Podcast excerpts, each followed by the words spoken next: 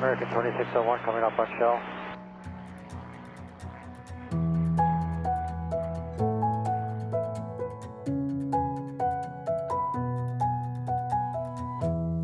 Hej og velkommen til Skyhooked, Danmarks første faldskærmspodcast. Hej Michelle, Hej Mie, så er vi her igen. så er vi her igen. Det tror jeg faktisk, jeg starter alle afsnit med at sige, så er vi her igen. Det tror jeg også, du gør. Ja. Som om folk er i tvivl. Ja, det er præcis. Hvis I er i tvivl, hvad det er, I lytter til, så har lige sagt det, og jeg konstaterer, at vi er her igen. ja, Ja. det er det, der sker. Det er jo sådan en traditionsting. Hvad skal der ske i dag? Hvad skal der ske? Vi skal øh, snakke om lidt forskellige ting. Det bliver et snakkeafsnit, det bliver bare hygge. Ja, Hygge, det, det er... Øh, det bliver lidt ligesom at sidde på et weatherhold i sofaen på springpladsen og lytte til, øh, til nogle af de andre springere og sidde og fortælle røverhistorier fra gamle dage. Mm. Det, bliver, øh, det bliver ligesom øh, i barn efter øh, to øl, hvor, hvor snakken går lidt løst, og inden 10 øl, hvor snakken går alt for løst. okay. Så vi skal snakke Så, om... så hvor øh, ligger promillen her? Ja, promillen er 0,7. Du skal ikke køre hjem lige nu, men du skal, du skal heller ikke drikke alt for mange øl, for så kan du køre ordentligt efter. Okay. Men mindre man kører bil lige nu, for så skal man slet ikke drikke flere øl. Det, det skal man sige sådan noget, tror jeg. Vil du høre, hvad vi skulle snakke om? Ja, Ja, så øh, sluderen på pakkemåtten i dag, det bliver øh, vores ferieminder. Mm. Og den kommer vi lige tilbage til, fordi det, jeg ved godt, hvor corny det lyder. Men lad os kalde det Arizona-anekdoter. Så, ja. Bare for at give det et fancy navn. AA. AI. Vi skal øh, snakke lidt om uddannelsessystemer, vi bruger i Danmark. Mm. AFF og Static Line. Det her, det er vores afsnit nummer 13. Mm. Og hvis du har 13 spring, så må du få A-certifikat. Woo! Så det er vores afsnit 13 A-certifikat. Ja. Jeg bød ikke med noget som helst nyt. Du gentog bare det, jeg, Jeg sagde. gentog det, jeg gjorde det med sådan lidt mere mandlig stemme. og bombastisk og ja, lige præcis, og mandlig stemme. Mansplaining lige der. Lige præcis. Så bare hvis I ikke forstår det, så er det fordi, vi har allerede lavet 12 afsnit. Vi skal også have en ja-hat. ja. Vi har introduceret ja-hatten i sidste afsnit. Nej, Nej, i forrige, i forrige afsnit. afsnit. Lige præcis. Godt fanget. Den skal vi have fat i igen. Mm. Den her gang skal vi en lille smule længere mod øst, men vi holder stadigvæk rækkefølgen fra vest mod øst. Ja, mm. så hvor er vi henne der?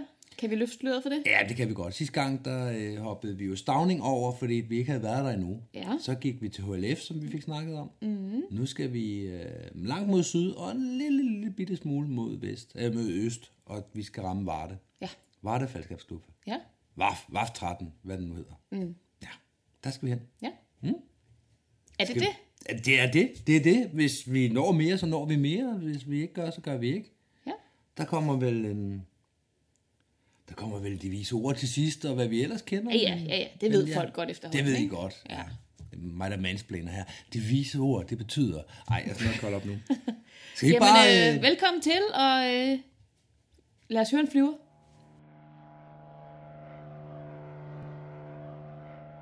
ferieminder, eller Arizona-anekdoter. Og det sjove er, at det er den tur, vi skal snakke om her, der skal vi ikke engang til Arizona. Nej.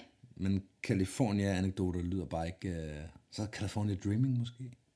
Nej, Nej, det nej. er lige så corny. Okay. Uanset hvordan vi vender og drejer det her, så, så er der nogen, der allerede nu er hæftet lidt af. Fuldstændig. Fordi de forestiller sig øh, onkel Jørgen og tante Hanne, der kommer hjem fra ferie, og de har fremkaldt det hele. Alting. Lige præcis. Med fedtede fingre hen over linsen, og Ni det lysbilledshow, og, Og ni billeder af det samme, hvor der er en ting, der har rykket sig. hvor Jørgen smule. står foran en statue Ja. og smiler. Ja, lige præcis. Ja, det er det, vi skal til nu. Ja, det Bare i uh, faldskærmsversionen. Ja, lige præcis. Det er sådan set det. Det fik vi da solgt meget godt. Ja, det synes det. Jeg tror ikke, vi skuffer nu i hvert fald. Vi har ikke flere lyttere tilbage, men okay. Hvis der nu skulle sidde en enkelt derude og tænke, det var da frygtelig interessant. så lad os lige klarificere, at på trods af, at vi kaldte det Arizona-anekdoter, så har det intet med Arizona at gøre, for det vi skal snakke om, det var i 2014. Mm. I efteråret, der er det fire Ja. år siden, der var vi en uh, tur til USA. Og nu siger vi, så er det jo dig, mm. mig mm. og Henrik Brun. Ja, vi har været ude at rejse ved flere lejligheder. Vi er et, vi er et godt trækløver, synes jeg. Ja. Vi er gode til at rejse sammen. Ja, Så det gjorde vi. ja altså det, det, det startede med, det var jo, at øh, du og jeg havde været ude at rejse sammen med Natalie. Og Ja. så ville vi gerne afsted igen. Mm. Fordi der er noget, synes jeg, noget, noget mega fedt over at være afsted øh, tre mand. Det er også fedt at være afsted som gruppe. Mm. Jeg tror også, det kan være fedt at tage ud og rejse alene. Det har jeg ikke prøvet, i hvert fald ikke i fællesskabssammenhæng. Ja. Øhm, og nu vil vi gerne, du og jeg var sådan enige om, at vi, vi ja, det kunne være sjovt, hvis du og jeg tog afsted. Mm. Men det kunne også være fedt, hvis der var sådan en tredje mand. Det giver en helt anden dynamik, som, som er rigtig fed. Og i øvrigt så var vi ikke kærester af noget, der lignede, da vi planlagde den her tur. Nej, ikke da vi planlagde den, det er rigtigt. Øhm, og vi blev det heller ikke på turen. Nej, men nu er det i mellemtiden. Ja, Men det er jo rigtigt. I året før havde vi været i Ampua Brava en, en lang weekend, fem dage eller sådan noget, Ja. sammen med Natalie. Ja. Og det gav jo smag for mere. Så Ja. det endte med Kalifornien. ja. Og valget faldt på at øh, spørge Henrik om, øh, hey, Michelle og jeg vil gerne ud at rejse. Vil, mm. vil du også med? Og jeg kan huske, da vi planlagde den her tur, at vi mødtes hjemme hos os, mm. og så sad vi og kiggede på, hvor kan man rejse hen. Og vi kiggede blandt andet på, øh, jeg tror faktisk, vi kiggede på Afrika, for at se, vi. om der ikke var en Hercules. Fordi ja. det var en flyver, som i hvert fald du og jeg var meget, meget sultne efter at prøve mm-hmm. at springe fra. Ja. Øh, vi kiggede på Dubai, hammerende dyre flybilletter. Vi kiggede på Spanien, var, var vi også lidt lune på. Og på mm. en eller anden måde, så endte det bare med, at, at det startede egentlig med, at det skulle bare skulle være en kort tur til Spanien. Og så endte det med, at lige pludselig så havde vi bestilt tre uger eller sådan noget til Kalifornien. Og ingen af os havde sprunget i USA på det tidspunkt. Nej, men vi havde, det vi havde i, mind, uh, i mindsetet var jo, at vi ville gentage det, vi havde lavet sidste år med Ja, Natalie. ja, Så det var en længere weekend, fire dage, måske fem, Ja. alt efter flybilletter og så videre. Mm. Så ville vi rejse ud, og så skulle vi ikke så langt. Det kunne være, at vi skulle til Spanien, var rigtig meget op at vende, fordi Ja, så kunne man ja. flyve to timer sydpå, og så ville det være godt vejr. Og efterhånden, som vi så fik, øh, fik cirklet os længere og længere væk fra lille København, Ja. så, så blev det også, jamen, så er man også nødt til at tage en uge. Ej, så skal det i hvert fald være 10 dage. Og da vi så ja. endte helt over på vestkysten af USA, på kanten af Stillehavet, så var vi op på, øh, altså så skal det også være Og 14 jeg, jeg, dage. jeg tror, det der afgjorde det var, at, at vi kiggede netop på, på flybilletter og så videre. Det gjorde vi. Og det viste sig, at vi kunne flyve direkte, og det kostede omkring, jeg tror det var 4.000 tur-retur til, øh, til LA. Så det var Ja. sådan lidt, ej, hvad? Norwegian, Norwegian havde lige indf- indført deres tur, der fløj direkte fra Kastrup til LAX. Og det var derfor, de havde de her sindssygt billige billetter. Eller de var ved at indføre den. Der var ikke i drift endnu, men den skulle så komme i drift september-oktober, tror jeg, hvor vi skulle afsted i november. Så derfor havde de de her sindssygt billige kampagnebilletter, fordi de havde købt øh, Dreamlinerne til 87'erne, som de ville fylde så mange mennesker ind i som muligt. Mm. Så derfor fik vi billetterne så sindssygt billigt, og det var meget, meget nemt bare at sætte sig ind i en flyver ja. I Kastrup, og så vågne op halvanden døgn senere. Nej, det passer ikke, men så et halvt døgn senere i hvert fald. Mm. I den anden ende af verden. Ja. Så det var sådan, vi lige pludselig øh, endte i øh, Kalifornien i slutningen af november. Dig, ja. mig og Henrik Brun. Det gjorde vi. Mm. Jeg kan huske, vi landede, og det var aften, det var mørkt, da vi kom, men det var dejligt varmt. Ja, Og så, vi havde jo bestilt et... Øh, vi havde ikke snakket med nogen, der havde været i Paris før som sådan. Vi havde ikke øh, kæmpe researchet. tosser. Så vi havde øh, valgt at kigge ind på, jeg tror det var Hotels.com. Og der var omkring 15-20 km ud til dropzonen, så det var helt perfekt. Da vi så kommer... Øh, jeg tror, vi kommer tættere på. Jeg tror ikke, vi er rejst over, men men jeg tror, vi er kommet tættere på, og så slår vi det op og finder ud af, at øh, den her Elsinore, som en eller anden nævner for os, der kunne man også godt tage hen. Det er også et Ja, dejligt sted. ja, ja, fordi vi havde lidt satset på Paris, ikke? Paris, det er, det er stedet. Ja. Ja. Det er verdens største springplads, der, der skulle vi hen. Jeg kan huske, at øh, jeg tror, Shoot Me havde været derovre, ikke? Team Shoot Me, Ja. som var et forway-hold. som var et forrige hold dengang, så, som havde været derovre. De havde snakket varmt om det. Der var andre, der også havde nævnt det der med, Ja. at det var kæmpe Det var åbenbart stedet. Lige præcis. Og så fandt vi så ud af, at en eller anden nævnte Elsinore, og så kiggede vi ind på kortet og fandt ud af, at vi havde placeret os spot i midten mellem Lake Elsinore og Paris. Ja, og så tænkte vi, det er jo meget smart, fordi så kan man jo endelig vælge at, at køre, køre nordpå, og så øh, bruge hele dagen i Paris, eller man kan køre øh, øh, lidt mere sydpå, og så øh, bruge hele dagen i Elsinore, også afhængig af, hvordan vejret er, og så videre. Mm. Vi havde ikke i vores vildeste fantasi forestillet os, at de to springpladser ligger under en, en times kørsel fra hinanden, faktisk. Nej, nej, lige præcis. Det var en, en fantastisk surprise, at Altså, jeg troede også, det var sådan noget med at ud og køre i to timer, og så, Ja, ja. så er der en dropzone i nærheden. Ja, ja. Det er man får at vide, når man taler om USA, jamen der er længere mellem, fordi de har alle sammen Twin Otters. Ja, ja. Og så er man på en springplads, og så er man der hele dagen. Alla, for eksempel, når vi to kører til, til FDK på Lolland, så er man ligesom også der. Det er man i de fleste tilfælde på de fleste pladser i Danmark, der er man på den samme plads dagen igennem. Ja. Jeg ved godt, vi to har flere gange lavet den der med, okay, nu lukker de her, og så kører til en anden springplads. Ja. Men det, det lykkedes jo faktisk også at lave derovre, for vi havde jo nogle dage, hvor der var sådan, nu lukker de i Paris, så har vi kastet os ind i bilen med grad og det hele, og så har vi kørt til, Elsinore og øh, taget et spring der. Ja. Der var specielt en dag, som jeg husker, hvor at netop vi havde sprunget på Paris hele dagen. Det havde været rigtig hyggeligt og så videre. Men ja, de begyndte at lukke ned. Og så var det så, at vi var sådan lidt, okay, men øh, vi kan enten køre hjem af, og det kan vi i hvert fald gøre, fordi at ligegyldigt hvad, så er, er Elsinore på vej hjem af. Og så hvis vi har lyst, så kan vi faktisk lige køre videre lige over på Elsinore og lige kigge. Så, så, så det valgte vi sådan, nej, lad os lige prøve det. Mm. Og da vi så kom frem til Elsinore og gik ind i manifest, de kendte os jo allerede, øh, fordi vi havde sprunget der nogle gange før. Mm. Øh, ja, men øh, vi sender øh, karavanen op nu, og den er faktisk fuld. Ja. Og så tilfældigvis, så tror jeg, at piloten eller sådan noget kommer ind i- på manifest og, og hører det her, og sådan et, "Mm, ja, men vi kan også bare tage, øh, tage twin mm. fordi så er der lige plads til et par stykker mere. Og det kan lige præcis nås inden sunset, hvis vi lige skal Ja, lave ja, et check-up. og vi spurgte sådan, men, men er I klar til at springe? Altså, du ved, har I jeres grej fremme, og I skal ikke lige pakke og sådan, og det havde vi jo, fordi vi, Vi kom direkte fra en springplads og havde springplads, og der var pakket, øh, sikkerhedsløseren var tændt, det spillede bare, så øh, kan I være klar på 10 minutter? Ja, det kan vi godt. Mm. Og så øh, hævde de lige øh, twinnerne ud af, af stallen, og så nåede vi lige øh, dagens sidste lift. Ja. Det spring har vi faktisk talt om, eller har jeg i hvert fald talt om for et par afsnit siden også. Okay? Det var det sunset lift, jeg nævnte i... Jeg kan ikke huske det. Det er måske 10 afsnit siden efterhånden. Det er det ikke 8 afsnit siden. ja. Noget andet, jeg godt kunne lide ved Elsinore, mm. det er det her med, at øh, på Paris, da vi øh, første gang kom der og registrerede os, øh, så mm. var det jo sådan noget med, at der skulle penge ind på kontoen, og, og så Det er efterhånden... butik, ja. Ja. ja, det er en butik, og efterhånden, som vi havde været der noget tid, så kunne de godt sådan lige, give en lille smule slag i forhold til, hvis, der, hvis ens konto var gået lidt i minus, så Mm. blev man lige kaldt over, øh, Mia, du skal lige, og et eller andet, ikke? Mm. Øhm, på, øh, på Elsinore, der øh, var vi der og springe en eller anden dag. De kendte os ikke. Og så tror jeg faktisk, at vi kørte fra, fra regningen, fordi vi var sådan Nej, lidt, vi havde sat vi lidt kommer penge jo ind. Ja, jeg tror, vi havde sat lidt penge ind. Ja, vi havde faktisk sat noget, nogle penge Jeg i tror, vi satte 100 dollars ind eller Ja, ja, andet, og så, ja. sådan, så kan vi komme i gang. Ja. så gik vi op og sprang, og så... Øh, Jamen, og så, så, øh, så gik vi op og sprang, og så havde vi jo øh, penge på kontoen, og øh, ikke nogen der tænkte også, hvor mange spring vi lavede, og hvor Mhm. mange penge vi havde sprunget for. Og så kørte vi så. Og så kom vi tilbage et par dage senere, de havde været i Paris, og vi havde været ude hygge os, og så øh, skulle vi lige op og, og mm, flytte os på et lift eller noget, og så sagde de sådan, øhm, ja, når I har tid, øhm, så må I godt lige øh, komme forbi manifest, fordi I er hver især 90 dollars i minus, eller sådan noget. Mm. Og, og de, de havde ikke løftet et øjenbryn over, at vi bare var kommet Nå. ind på pladsen, havde sprunget og var smuttet igen. De Nå. vidste jo nok, de vidste jo godt, men de kommer jo tilbage. Mm. De er jo skydivers. Og der kunne man pege fingre af nogle danske klubber, men det skal man lade være med. Det er der ikke meget ja over. Men Nu er det ikke afsnit med jer hat, det her. Nej, det er det ikke. Men det er jo fantastisk, som du selv siger, det der med, at vi har været der et par dage.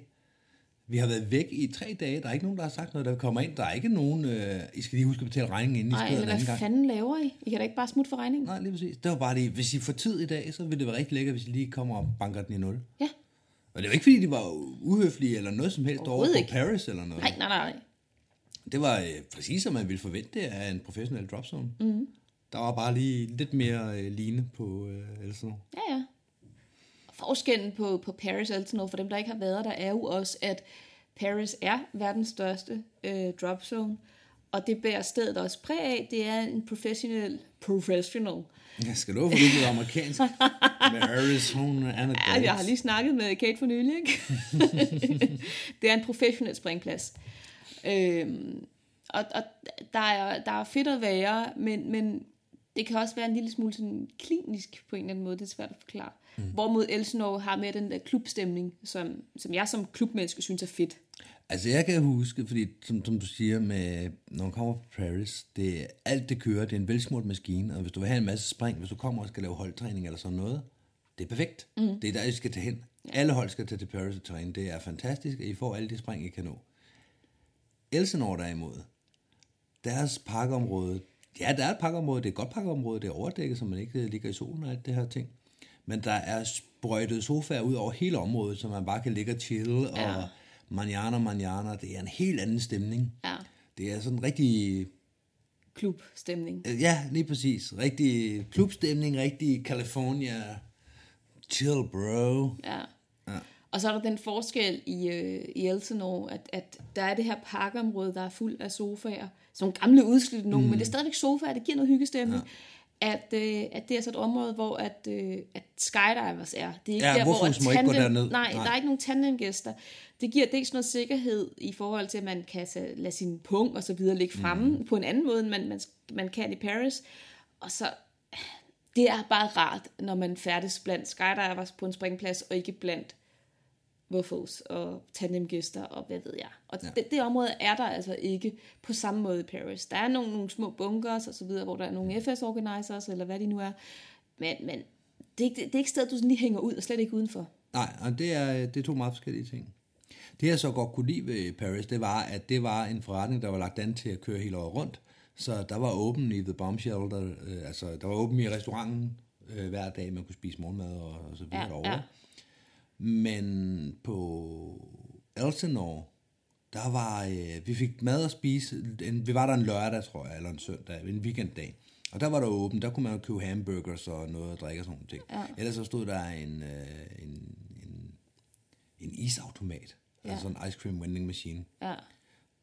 Og når du siger isautomat, så er det... Øh, det er altså med sådan en, jeg tror, det er en eller anden hjemmebygget installation. Det var Med sådan en, en, en kummefryser med, øh, med 10 cm øh, hvad hedder det, is på indersiden. Den var ikke mm. blevet afrimet i årvis. Og så var der sådan en, netop sådan en robotarm, som man ser i, i Tivoli og så videre, hvor man kan, de der, øh, man kan fange en, en, en bamse eller sådan noget. Og det var altså sådan, den her foregik, at man øh, kastede penge ind, og så kørte den her arm hen og ned i det rigtige rum i kummefryseren, og kørte tilbage igen og smed din is ud i, i det der rum, hvor du kunne samle den op.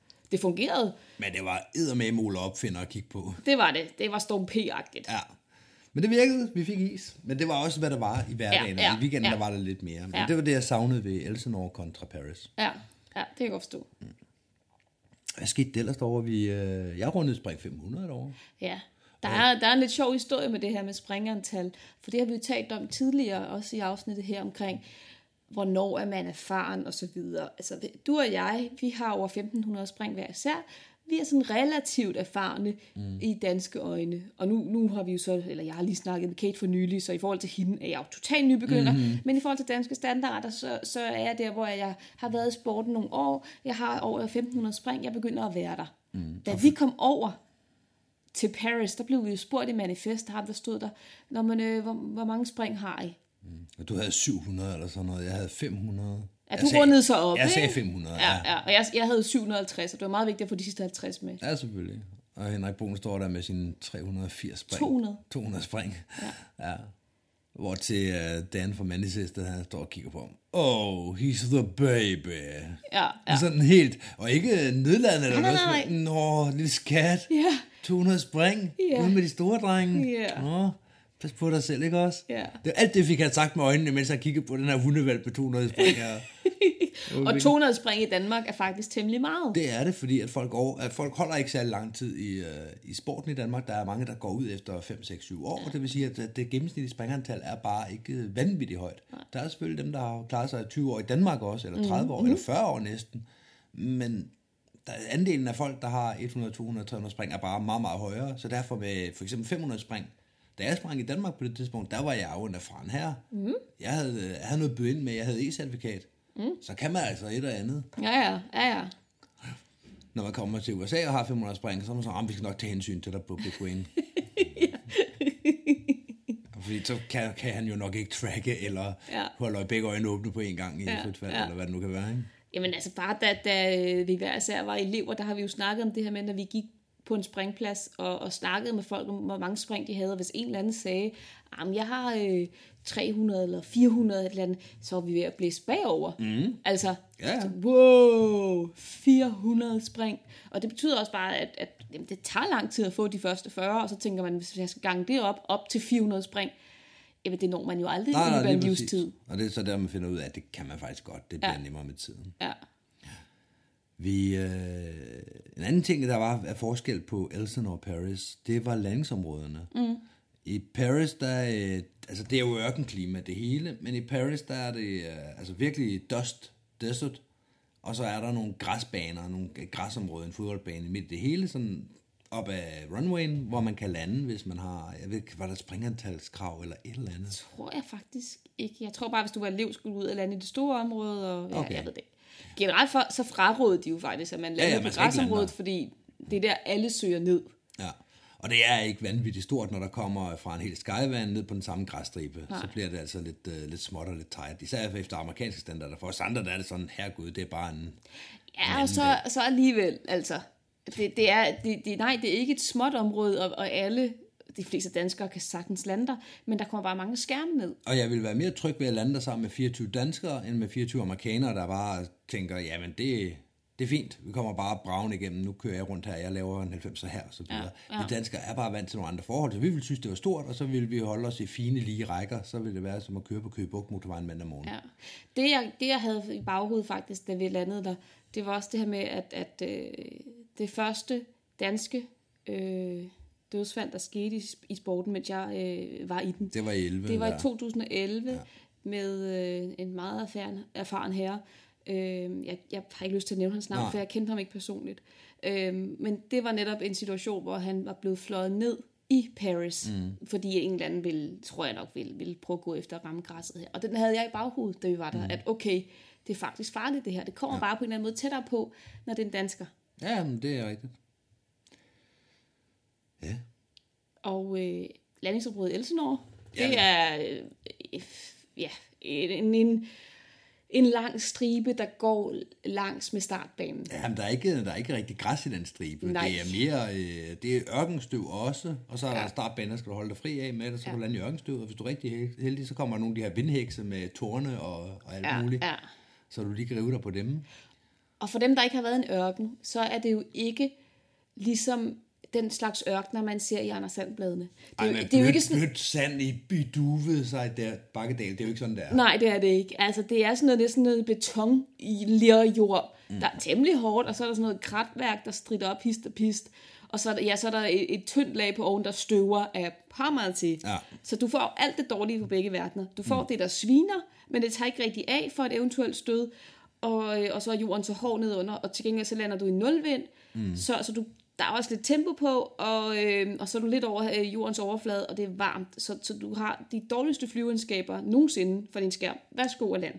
Men Paris ligger jo også, øh, nej ikke Paris, undskyld, Elsinore ligger jo lige op ad Lake Elsinore. Den ligger nærmest, den starter for enden af runwayen, der starter Ja, Lake ja. Elsinore.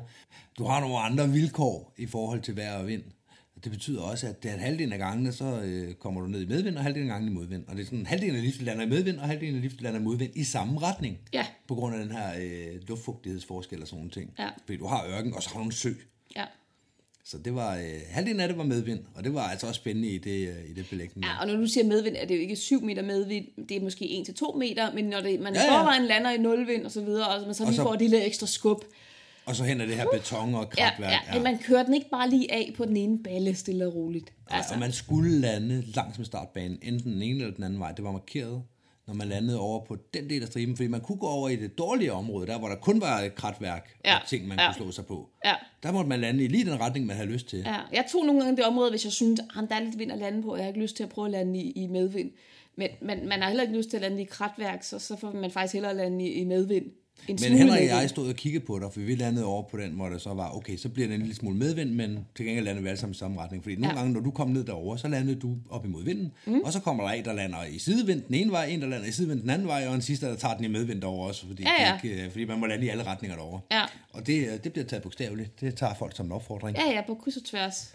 Og det var også grunden til, at jeg flyttede. Men, men jeg har noget med, at, øh, at hvis jeg tror, at, der, at jeg lander i modvind, så lander jeg bedre. Mm, ja, du har jo overbevist dig selv om, at du ikke kan lande i medvind, Ja. eller i nulvind. Ja. Ja.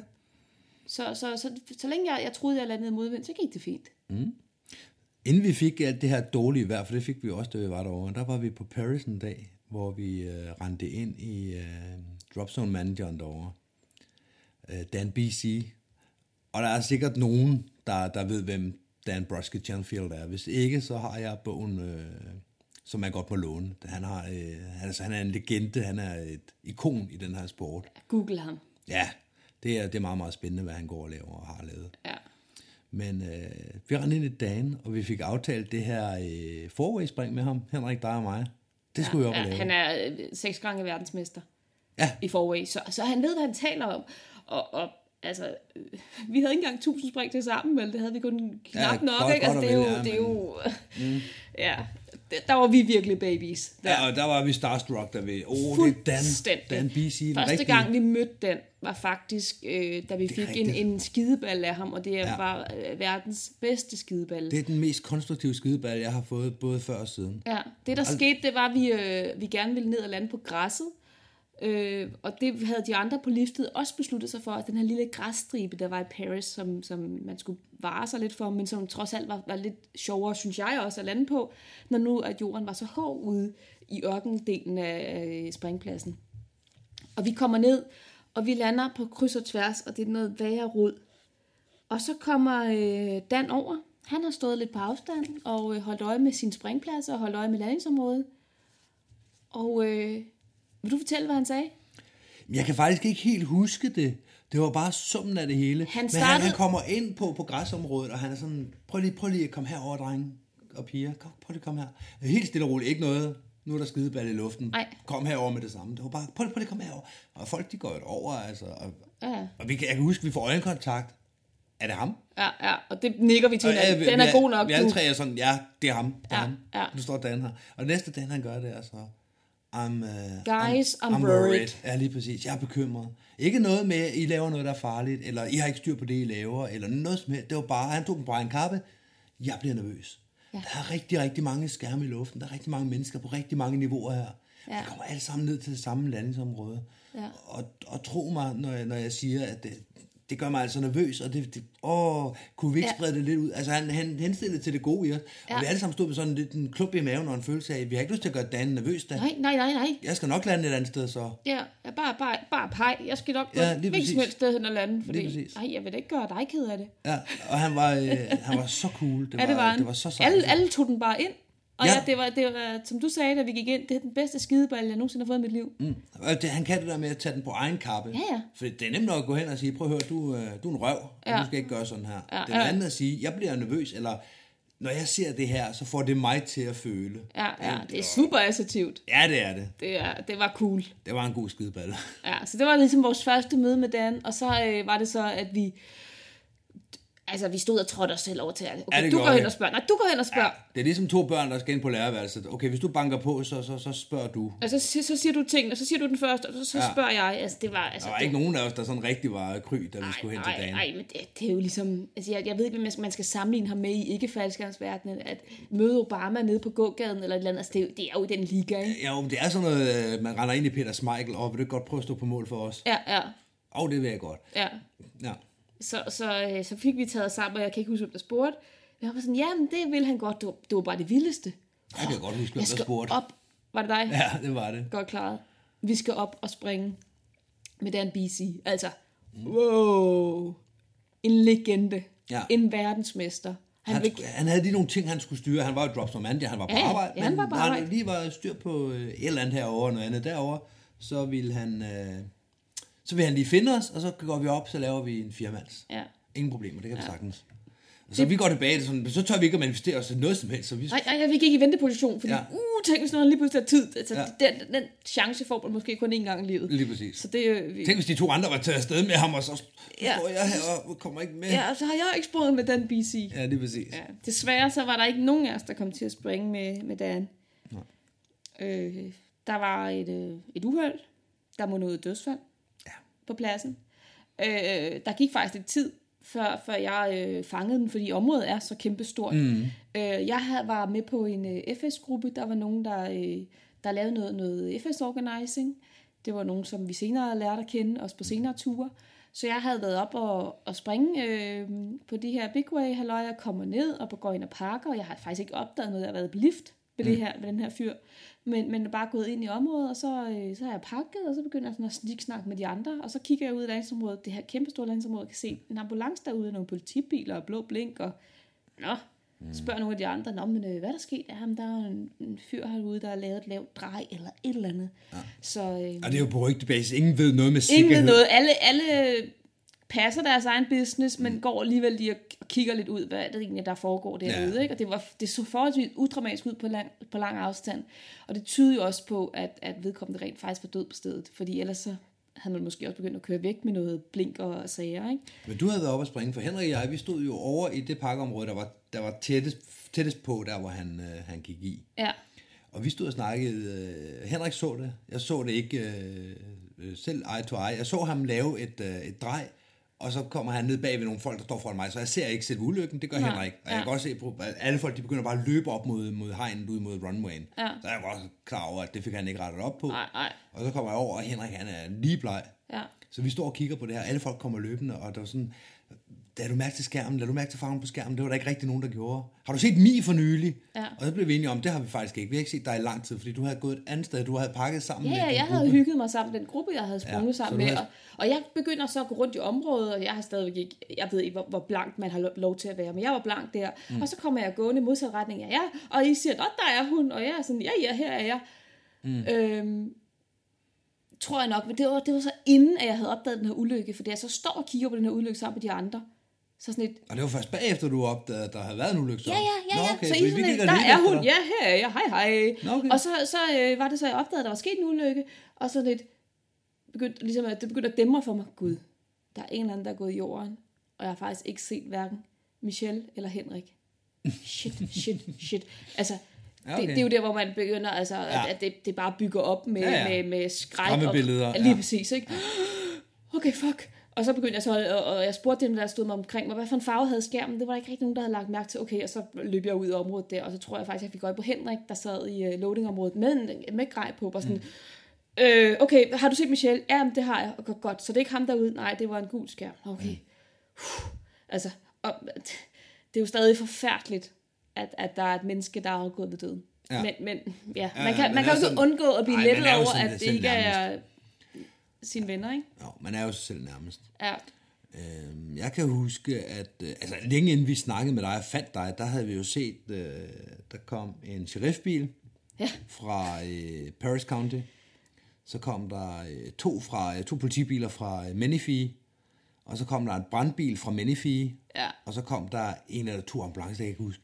Jeg kan huske, at jeg hænger på et spring, fordi det er jo en springplads, og vi skal tjene penge, så jeg hænger jo selv, øh, jeg når at tage to eller tre lift, mens de rydder op derude. Ja. Så der holder alt det her, de har jo alle sammen med rød og blå blink på. Ja, ja. Og det minder mig om at spille Grand Theft Auto, når jeg hænger der i faldskærm og kigger ned, og der er bare, hele landsområdet er jo bare fyldt med, det er det ikke. Hele landsområdet, nej, Nej, det er så det er det jo stort. ikke. Men hele det hjørne af landsområdet, jeg fløj jo også over og kiggede, som den nysgerrige bandit, jeg er. Ja. Altså, det, oh, der er blå blink alle steder nedenunder. Hvad sker Ja, der? Hvad ja, sker ja. der? Kan man se noget mere herovre fra? Ja. Og jeg skal også nu kunne nå tilbage, ikke? Så. Ja, ja. Jeg, jeg fløj nemlig også rundt over det her område øh, på et senere spring, og kunne sådan kigge ned på den her hvide ligepose. Ikke? Altså, mm. det, var jo, det var jo tydeligt for enhver, at, at der var ikke noget at gøre her. Han var død på stedet.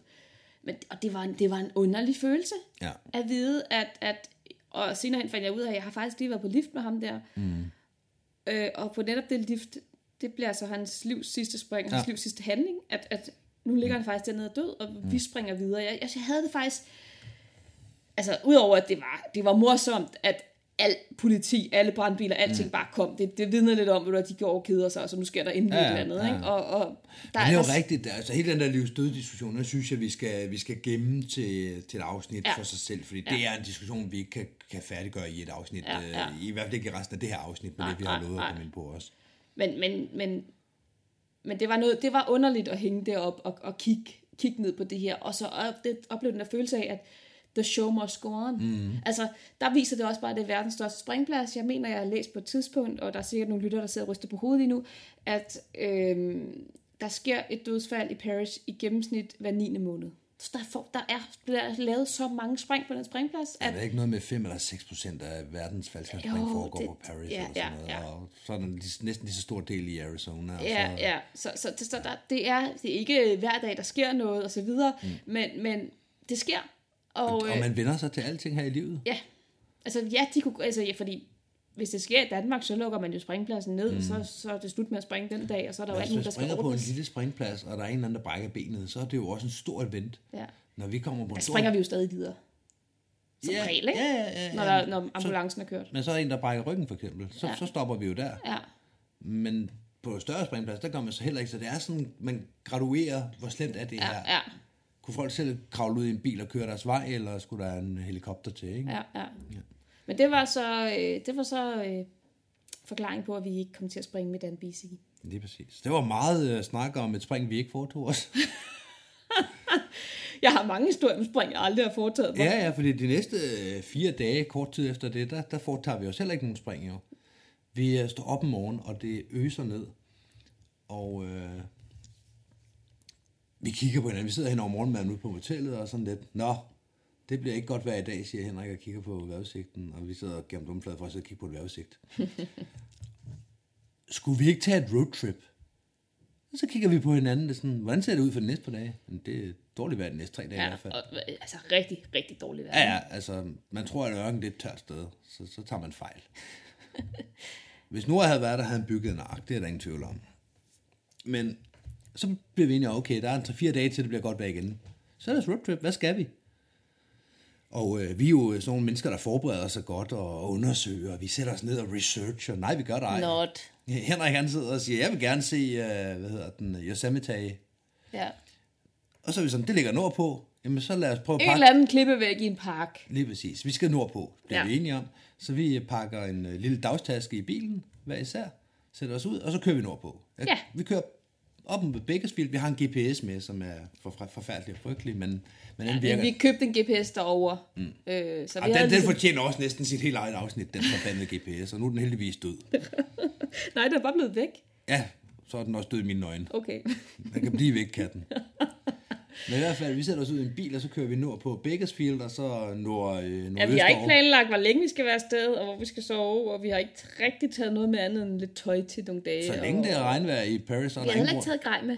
Nej, fordi nej. var vi ligesom enige om, at vi skal ikke ud og springe nu her, nu skal vi bare ud på en roadtrip. Lige præcis, fordi vi havde snakket lidt om, at så kunne man køre til Lodi også, hvis man alligevel var nordpå, og blev enige om, det gider vi egentlig ikke. Ja. Så vi ender ved at køre op gennem Bakersfield, og så rammer vi en masse, der er virkelig desert, og, øh, og solen står lavt, og der er vindhekse hen over vejen, og alle de her ting. Sådan ja. helt Lucky Luke-agtigt. Ja. Og der er bare en lang lige vej. Ja. Jeg kigger ned på GPS'en, den siger, øh, om 265 miles, Drej til højre. nej, skal du tanke. og derefter, så kan du fortsætte lige så lang tid igen på den anden side. Ja, ja. Så vi øh, kører, øh, kører bare op igennem det her ørken her. Da vi så endelig kommer ud af det og begynder at komme længere nordpå, og så kommer vi også længere op i bjergene, fordi så er vi ved at være i øh, ja, nationalparken. Luften begynder lige pludselig at være sådan øh, kold og frisk og Ja, lige præcis. bjergeagtig. Ja, og der begynder også at komme bjerge i horisonten, og så mm-hmm. man kører ind i bjergene, og det er rigtig, rigtig flot. Mm-hmm. Og da vi så kommer frem om aftenen, der er vi sådan i, i en, en bjerglandsby, der er en bjergsø, der er store klipper og bjerge og alting, og man er i den her lille by, ligesom i en... Hvornår er det, vi opdager, at øh, Yosemite er lukket? Parken? Det er der om eftermiddagen, da vi begynder at køre øh, derop, eller da vi begynder at være deroppe af, og alle de her indkørsler er lukket, tror jeg. Ja, vi begynder er- ligesom at kigge og se. Og Henrik han begynder at google, okay, hvorfor kan vi ikke komme ind her? Hvorfor er de her store veje, som skulle have været åbne, hvorfor er de Ja, lukket? ja. Og det viser sig så, at på grund af snefald, der er de så alle sammen lukket. Ja, og det er der, hvor vi bare har kørt og kørt og kørt en helt lige vej, og sådan lidt, ej, vi gider altså ikke at vende om og Nej, køre tilbage af den her helt lige vej, fordi ja, det er flot, men så også inspirerende, at det er jo heller ikke at køre den modsatte vej i x antal timer. Nå. Så nu fortsætter vi lige op, og så må vi se, hvor langt vi kan komme. Ja, så det, det der egentlig sker, det er, at vi bliver i den der by om aftenen, og de har jo verdens hyggeligste diner. Jeg ved ikke helt, hvordan man skal... Altså, hvis man forestiller sig en hyggelig diner i bjergene i USA, det, det er så tæt, jeg kan komme på. Jeg har svært ved at sætte ord på, men hun er jo bare sådan en... Uh, you want more coffee, honey? Ja. På, på den ikke kitsch, ikke klichéagtige måde, hvor det bare er sådan, ja, jeg vil gerne have mere kaffe. Ja, Det var, det var så hyggeligt, det var så, øh, så tidsrejseagtigt at være der. ja. Og jeg kan bare huske, at jeg blev så glad for at få en omelet med, med, mm. med noget, altså, noget substans i, og noget ja. næring i, og nogle grøntsager. Det var sådan, wow, det er mit første rigtige måltid i halvanden uge, eller et eller andet. Ja, ja, der er en, der står og kælder for råvarerne Ja, i køkkenet. ja. Og så, ja, så kørte vi jo videre næste morgen. Der blev vi nemlig enige om, at vi ikke ville køre tilbage. Så lad os da bare fortsætte den her. Vi fortsætter nordpå og ser, hvor langt vi kan komme, og så kunne det være fedt at knække over øh, mod San Francisco. Ja, vi skulle nord om nationalparken, og lige snart vi ville komme det, så ville vi knække ud til kysten, så vi kunne komme ud til, til San Francisco, ja. Så, så vi, det var egentlig Nationalparken, der satte bagkanten. At Ja. vi så kom et stykke ind i uh, Nevada under, i processen, det er jo, hvad der sker. Kommer lige ind i nabostaten. Ja, det er jo, hvad der sker. Det kan jeg huske. Der var køer, der var øh, frodigt, og, øh, og på trods af, at Nevada er jo også en ørkenstat, men der var lige sådan mere Nebraska end Nevada at se på, Ja. der hvor vi var. Ja. Og så kører vi ud igen, og så ender det med, at vi kører igennem rimelig grønne områder ud til kysten, San Francisco. Ja. Det bruger vi dag to på, fordi næste dag, den bruger vi jo så i San Francisco, hvor vi shopper i kæmpe indkøbscenter, og vi kører over Golden Gate Bridge, og ja, alle de her ting. Ja, ja. Rigtig turistagtigt. Ja, og så kører vi ned af Route 1 dagen efter, Ja. hvor man kører i zigzag ned langs, øh, langs kysten i sådan noget nærmest tropisk klima, fordi ja. Ja. det ligger lige ud til Stillehavet, Ja, ja, og og der var sådan det- store bregner og sådan noget. Det vilde var jo netop, at ja, vi havde kørt ret mange kilometer, men vi har også været igennem alle typer af klima. Vi var oppe i den her kolde bjergluft, hvor der lå sne. Og Mm. Der vi var sne, det og der var, der var glatte klima. veje. Vi havde automatgear og, øh, og sommerdæk på. Ja, ja, det var helt Og i perfekt. det der bjerge der om morgenen, det er rigtigt, det havde jeg helt glemt, hvor vi zigzaggede ned i det der hårnålesving. Ja, ja. Og zigzaggede mere end højst nødvendigt også. ja, det er rigtigt. Ja. Men der var det her vanvittige klimaforskel. Ja, på, på ganske få dage. Og så ud til kysten, og så Ja. Og ned så, ad A1 ind til Los Angeles. Og fra Los Angeles, så var det bare at køre øh, østpå, indtil man rammer Paris igen. ja, så var vi som, okay, nu, nu er vi snart hjemme. Jeg kan huske, at jeg skulle tisse noget så forfærdeligt. Og jeg sidder der i bilen og bare sådan mm. lidt, okay, øh, GPS'en siger, at vi er hjemme om en time og 10 minutter. Eller sådan. Det, det kan jeg godt holde mig. Men, Ja. men altså, en time og 10 minutter er alligevel rimelig længe, men det, det skal nok gå. Der var ikke lige noget sted, hvor man lige kunne holde ind og sådan så det er okay. Mm. Og så kører vi hjem af der, og vi er ret tæt på at være hjemme. Og så er der bare trafikkaos af den anden Ja, verden. det er rigtigt. Men og, der er flere vegne, der er blevet, øh, der, der har været flot, så flere af vejene er blevet, asfalten er simpelthen brudt, øh, brudt i stykker og skyllet væk. Ja. Så der er nogle af de der hovedveje fra, øh, vi kommer egentlig ud fra nord for, hvad hedder det, øh, Lake Elsinore, og kører ned, og så skal ud til, hvad hed det derude ude?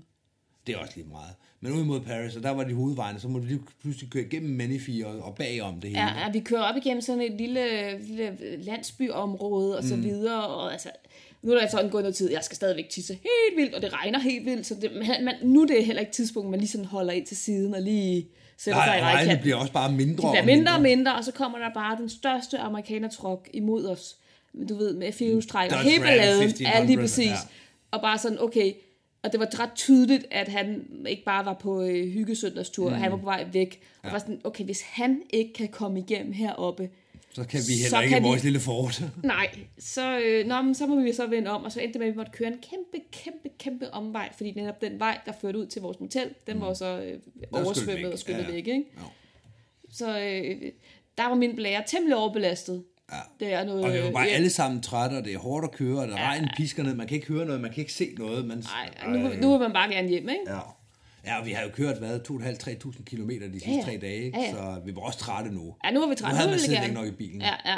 Men det var vildt så meget vand, der var kommet, da vi sprang over Paris de første dage. Der var der de her øh, Kanalerne. kanaler under os, der var så brede og så dybe. Det første spring, som jeg lavede derover, der landede jeg på den anden side af en af de her kanaler, fordi vi fik lidt dårligt spot. Mm. Og der måtte jeg gå ned i kanalen på den ene side, og tværs over og Ja, op ja, det igen. rigtigt, og det var ja. bare sådan, hvad skal man med så store kanaler i en, I en ørken? ørken. Og det viste sig så, da vi så kom i luften øh, dagen efter, vi var kommet hjem, eller når det nu var, hvor det så var blevet springvejr igen, at de her kanaler var fyldt med vand. ja, ja. Altså, hvor er det sindssygt, at der er kommet så meget vand på så kort tid, så det, det gav mening. Og jeg, jeg landede så heller ikke på den anden side af kanalerne øh, efter det, fordi så, Så kunne man ikke komme hjem. nej, så skulle man svømme hjem. ja, det er præcis. Jeg tror, vi skal til at afrunde øh, vores del med Arizona-anekdoter fra Kalifornien. Det er så dumt navn, vi har givet den. Jamen, så ferieminder. ja, Onkels Dias show, eller hvad du nu er, er her ved at være slut, og folk der sidder derude, yes, endelig kommer Ja, det lige videre. præcis. Det kunne være, at man skulle have sagt i starten, at hvis man spoler 44 minutter ind, så er man færdig med det her. Åh, oh, Gud. Ja. Vi, vi vil gerne sige undskyld. Ja, hermed undskyld. Næste gang, der sørger vi for, at hvis vi går i gang med, med ferieminder, så skal vi nok lige inden ferieminder fortælle, hvor langt man skal spole frem for at komme hen efter ferieminder. Det er en aftale. Lad os gøre det. Skal vi komme videre i teksten? Mm. Det her, det er afsnit nummer 13 af Skyhooked. Mhm. Hvor mange spring er det nu, man skal have mindst for at få A-certifikat, Michelle? Det er 13 spring. Yay! Og det er sjovt for, øh, for mange mennesker, der er 13 et ulykkestal for en skydiver, der betyder det, at han kan få et A-certifikat, så det er en god Ja, ting. ja.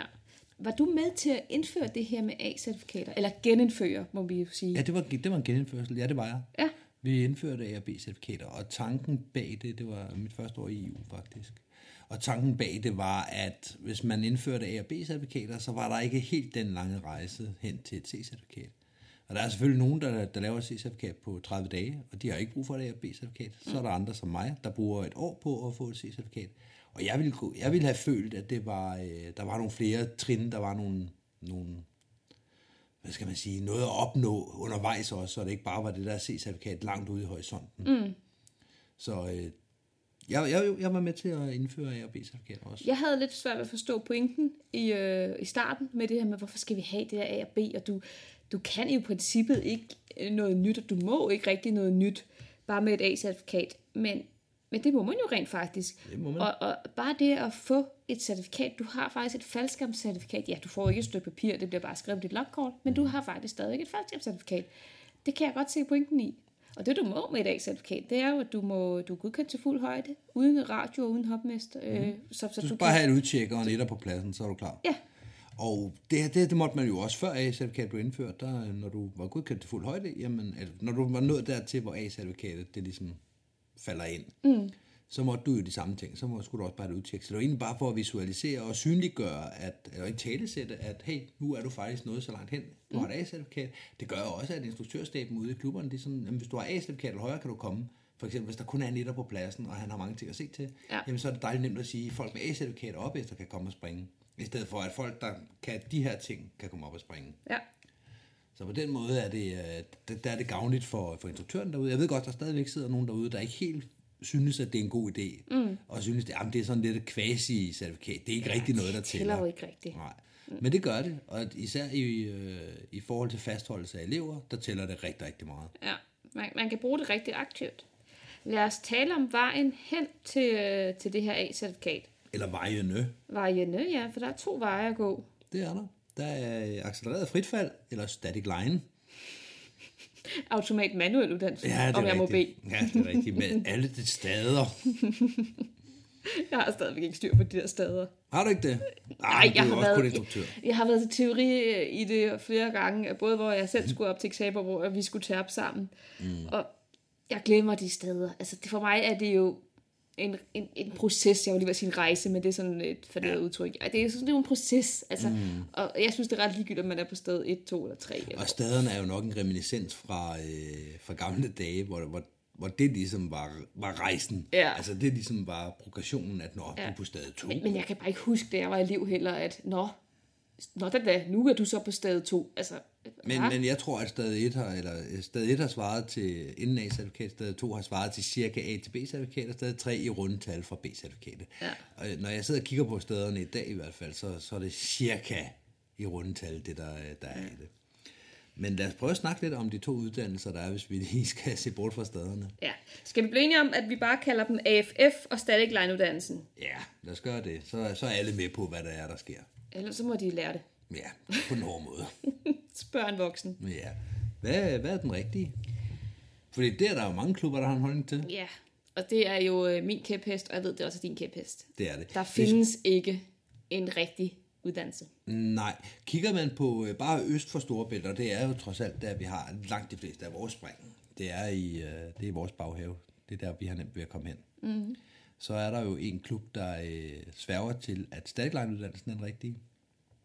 Der er en klub 20 km derfra, der sværger til, at FF-uddannelsen er den rigtige. Ja, Og så er det de to sidste, den i syd og den i nord, der er sådan lidt, begge dele kan bruges. ja. Men der, der findes jo øh, instruktører, der siger, at det her det er den eneste rigtige. Ja. Om henholdsvis den ene og, Og den den anden. anden, ja. Skal vi lige starte med at, forklare, at, at du og jeg har jo begge to taget... Hvad er det, der, der knirker sådan? Det er mig. Det er mig, der sidder og knirker på stolen. Undskyld. Det er jeg holder op med nu. Vi har taget de to forskellige. Vi kører bare videre. Lad være med at sidde og kigge på den kat. Så øh, vi to har jo taget Static Line uddannelsen begge to. Mm. Jeg øh, startede med at blive medlem i den klub, øh, der Det er bare en kat, der vil så klør i en taske, tror Nej, jeg. han lægger sig ned i den. Nå, fint, så sover han i tasken. Nu fanger han sin egen hale. Godt. Vores lytter er ligeglade med hans hale. Lad os Vi komme videre. nødt til at... Det er Nej, vi kører videre. Du er ved at fortælle om øh, fordel, tror jeg. Ja, jeg var vokset op i en klub, hvor der kun var static line dansen, mm. og det vil sige, at jeg blev faktisk aldrig præsenteret for den her løsning med AFF. Og, øh, og nogen vil sige, at det var der smadret sundt for mig, men, øh, men det gjorde mig ikke noget, fordi nu passede static line dansen tilfældigvis rigtig, rigtig godt til mit temperament. Mm. Så man kan høre mere om i det afsnit, For lang tid siden. for lang tid siden, øhm, hvor jeg fortæller om mine første spring, at, at så var min tanke jo ikke, at nu skal jeg være falskerspringer. Min tanke var bare, at nu skal jeg prøve det her, og hov, det var da meget sjovt, så tager jeg et spring mere, og hov, det var også meget sjovt, og det er jo godkendt, og så lige pludselig så rullede bolden, ikke? Øhm, så det er en fantastisk uddannelse. Mm. Og når det så er sagt, ligesom jeg siger til mine elever, jeg synes, det er en fantastisk uddannelse, men jeg synes også, at AFF er fantastisk, og derfor har jeg uddannet mig til AFF-instruktør også. Ja, hvad skulle lige det sige? Du, du er jo selv underviser på begge uddannelser i dag. Ja. Så du må jo kunne se en værdi i begge to. Mm. Jeg er jo vokset op i en klub, hvor begge dele var meget, meget aktivt dengang. Mm. Så der var AFF og Static Line på samme tid. Blev det tilbudt øh, begge uddannelser som et Ja, valg? ja. ja, det gør jeg. Jeg startede sammen med en anden springer, som stadigvæk er i sporten i dag også.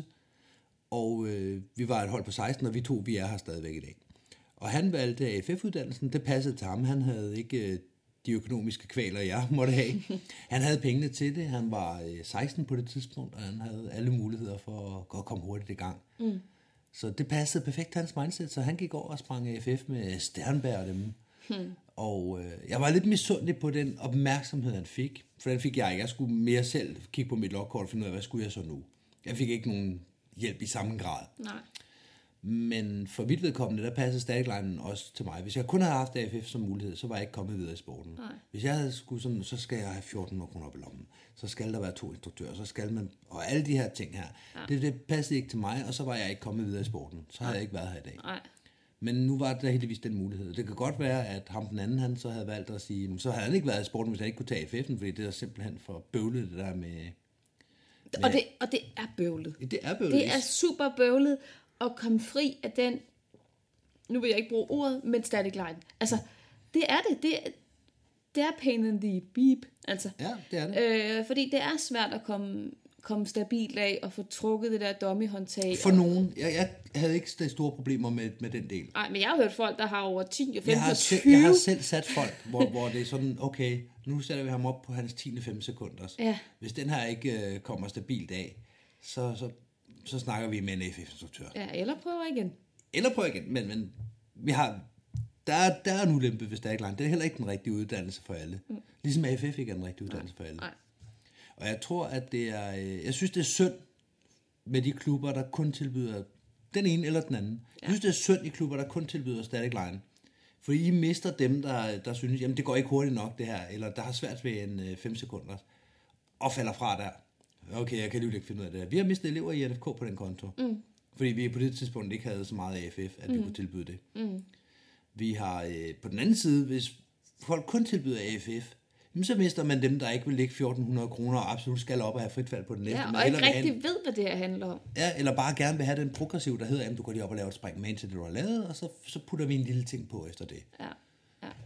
Og, og jeg synes, det er interessant, det du siger, det her med omkring nøse, fordi jeg har i hvert fald hørt det argument fra hardcore AFF-instruktører, meget, meget dygtige mennesker, mm. at, øh, at man, øh, AFF-uddannelsen er den eneste rigtige, for det er der, folk fortsætter. Og der vil mit argument jo være, at ja, folk tidligere i hvert fald har fortsat rigtig ofte på AFF-uddannelsen, for der blev de nørset. Mm. Der blev de taget imod med åbne arme. Der var en til to instruktører, der bare havde deres fulde opmærksomhed på ja. dem. De blev løftet igennem, og det blev, i hvert fald da jeg startede sporten, ikke i min klub, for jeg var meget, meget heldig. Mm. Men i andre klubber kunne jeg jo godt se og fornemme det her med, at, at der var man lidt overladt til sig selv. Og det kan faktisk også have sin fordel, for man ja. bliver mere selvstændig som mm. static instruktør, eller static elev, være min påstand. Ja. Men, men hvis man er lidt usikker, og det er de fleste jo, fordi de kommer ind i en helt ny verden, og de skal endda gøre noget, hvor de risikerer liv og lemmer, mm. basically. Ja. Øh, der har man, man brug for, mange i hvert fald har brug for lige at blive taget en lille smule i hånden. Ja. Og det, det, det synes jeg er det, som, som i, du og jeg i hvert fald prøver på i vores instruktørvirke, det er at nøse alle. Ja, men det er jo også, altså for mit vedkommende, der handler det om, jeg har set de her FF-elever, jeg har set, at de bliver nøse, jeg har set, at de bliver løftet. Der er nogen, der lige går hen og klapper dem på skulderen, og hvordan gik det så? Mm. De skal ikke selv komme og sige, hvordan gik mit spring, eller det er kun den instruktør, der lige har set dem, der sådan, han er oppe at springe, så du må lige høre ham senere. Mm at man bare som en anden instruktør, eller som etter, eller som C-springer, også går hen og, og så siger, nå, hvordan gik det så? Ja. Ah, men jeg føler, at jeg kom, kom skævt af, og så videre. Og der, der har springerne i min klub jo heldigvis været rigtig gode, altså også C-springerne, ja. til at gå hen og så, når, nu kommer han ind, og han ser da lige lidt uh, trist ud. Mm. Jeg går da lige hen og hjælper ham med at sætte det halve bremser, så kan vi lige få en snak sådan helt uformelt om, hvad, hvad så? Ja. Hvor er vi henne? Ja. Hvad så. var svært? Ja. Det, det var det, jeg oplevede, da jeg var, var elev at det synes jeg, mine klubkammerater DFC var rigtig, rigtig gode til det her med, når jeg kom ned fra et eller andet spring, så var der øh, forskellige mennesker, der kiggede op for deres pakninger, mm. og med, med forventningsfulde øjne, nå, hvordan gik det? Ja. Og det betyder bare så meget. Mm. Altså, man ikke overladt til sig selv. Folk ja. faktisk kærer sig om, om gik det godt eller gik det skidt. Helt vildt, ikke? Får vi snart en ny legekammerat. Ja, det er det, det, der betyder noget frem for om, om... Det er den ene eller den anden. Ja. Jeg, jeg er helt enig. Så øh, på trods af, at du er AFF-instruktør og har taget statiklejnuddannelsen, jeg er statiklejninstruktør og har ikke været andet, jeg har også selv taget statiklejnuddannelsen, jeg har ikke mm. haft været i berøring med AFF-uddannelsen. Mm-mm. Men AFF-uddannelsen har også i mine øjne en masse at byde på. Jeg er helt enig. Og, og den kan fastholde nogle mennesker, som, som statiklejnuddannelsen bare ikke, øh, ikke kan ramme. Jeg havde ikke været falskerspringer i dag, hvis ikke jeg havde haft den mulighed at tage statiklejnuddannelsen. Nej, jeg har det på samme måde. Men jeg ved også, der er folk, der har sagt det modsatte. Ja. At det vil simpelthen være gået for, for langsomt. Eller de her folk, der bare kæmper og kæmper og kæmper. Også folk, der springer i dag. Folk, der er instruktører i dag, der bare har kæmpet, især mm-hmm. omkring 5 sekunder, mm-hmm. hvor, hvor det bare driller den, det hele. Den er svær. Den er modbydeligt svær. Ja. Og den kan bare drille, og den kan drille, og den kan drille. Og på et eller andet tidspunkt, så indser man bare, at okay, jeg er jo simpelthen øh, for klumpedumpe til at springe faldskærm. Ja, ja, det her, det lader jeg aldrig. Nej, lige præcis. så der er AFF'en altså også fantastisk god. Ja, ja. Og jeg vil også sige, at, øh, og det er stor ros til dem, der har uddannet mig, at, at det har også gjort mig til en bedre instruktør, og at blive AFF-instruktør oveni. Mm. Det, det må jeg sige. Og det, det under jeg faktisk uh, almindelige statikline instruktør, og det er ikke uh, nedladende sagt, det er bare ja. dem, der ikke også har, har taget AFF'en ovenpå, at det, det giver et ekstra dimension. Som, uh, det kunne være, man skulle arbejde videre med det inden for uh, DFU-rammer. Noget efteruddannelse af statikline instruktør. Det tror jeg ikke er nogen dårlig idé. Det kan være, der sidder nogen derude og lytter med. Hvem ved? Det kunne være. Ja. Godt. Har du mere at sige om AFF eller Static Jeg kunne snakke længe om det, men jeg tror, vi har været omkring det væsentligste. Godt.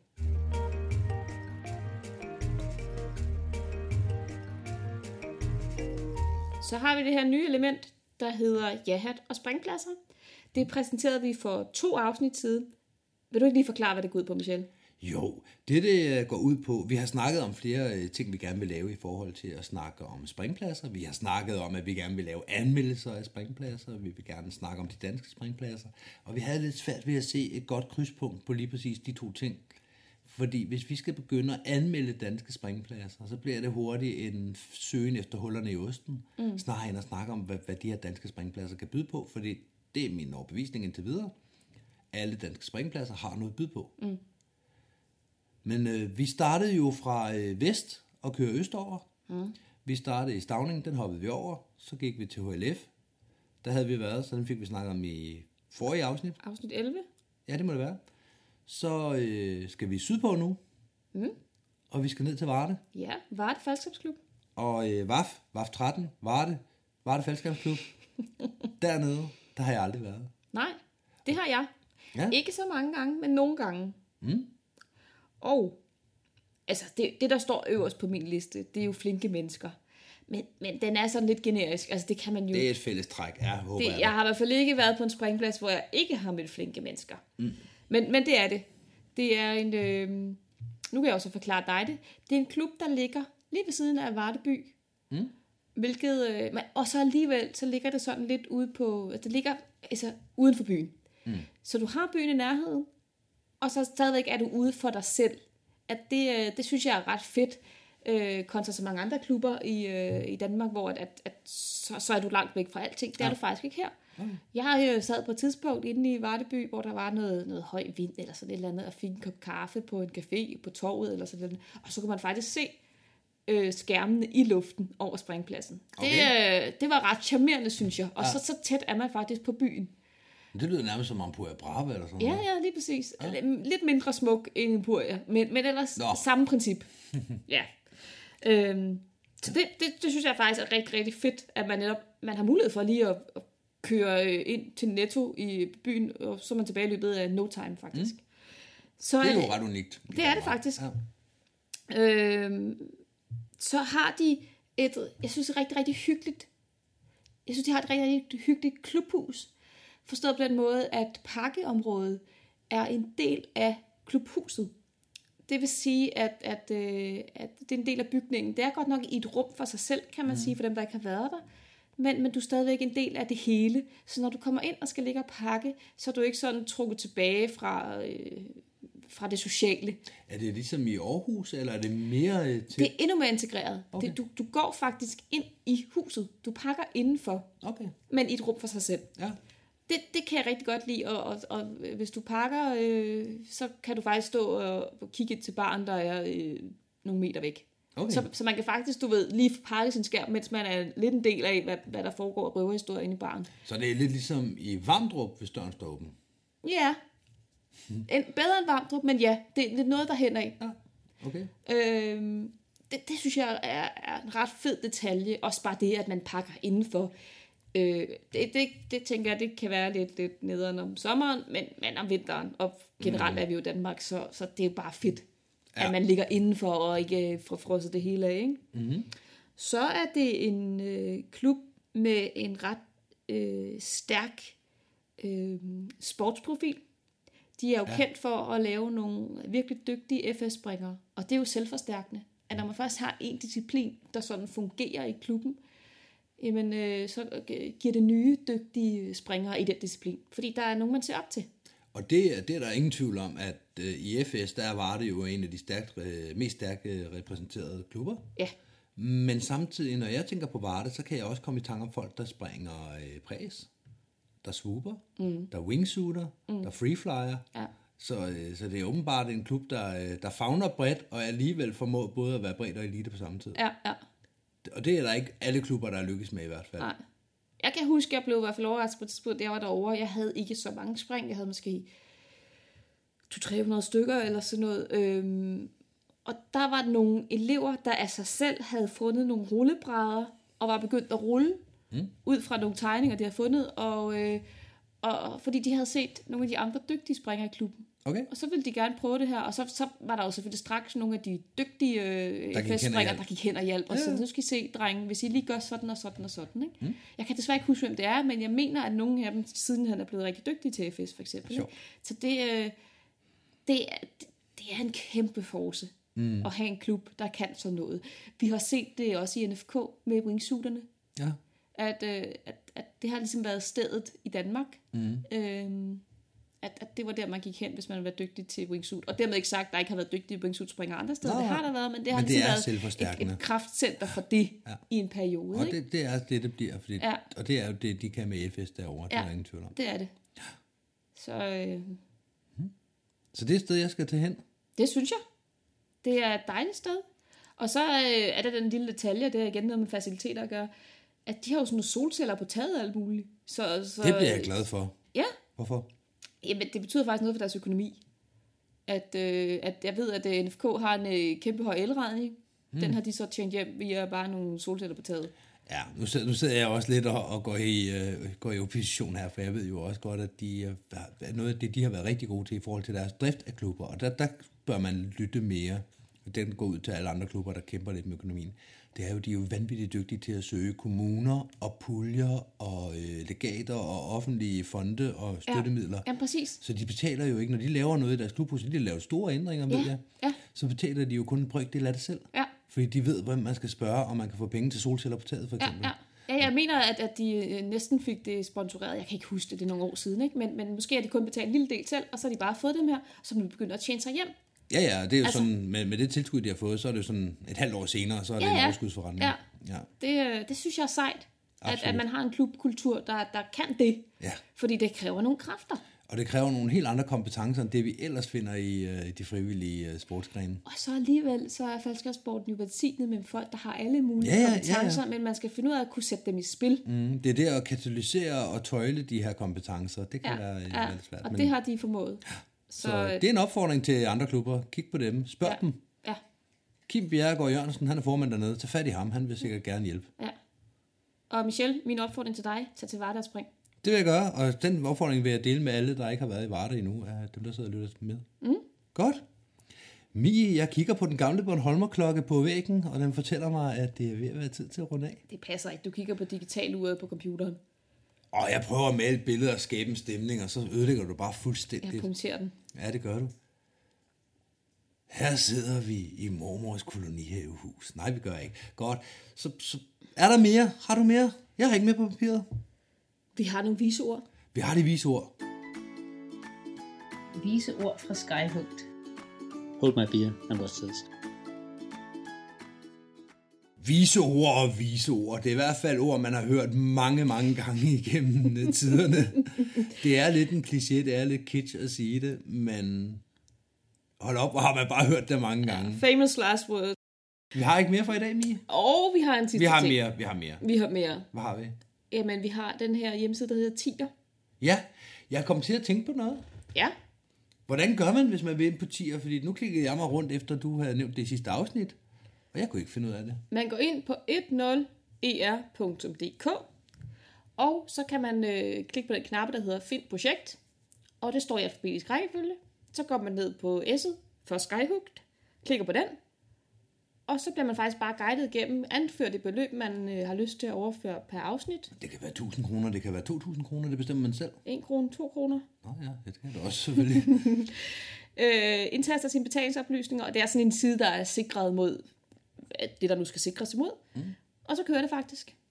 Okay, Og man bliver trukket øh, hver måned i slutningen af måneden for den foregående måned, og vi har lagt det her loft på, at man maks kommer til at betale for fem afsnit per kalendermåned. så hvis vi laver 100 afsnit på, øh, på øh, december måned, mm. i december måned tror jeg også, man kan sige, så vil man kun betale for de første fem, og resten det er på huset. Det er rigtigt. Ja, super. Har du, har du så mere? Nej, nu har jeg ikke mere. Jamen skal vi så ikke bare sige hej hej? Hej hej!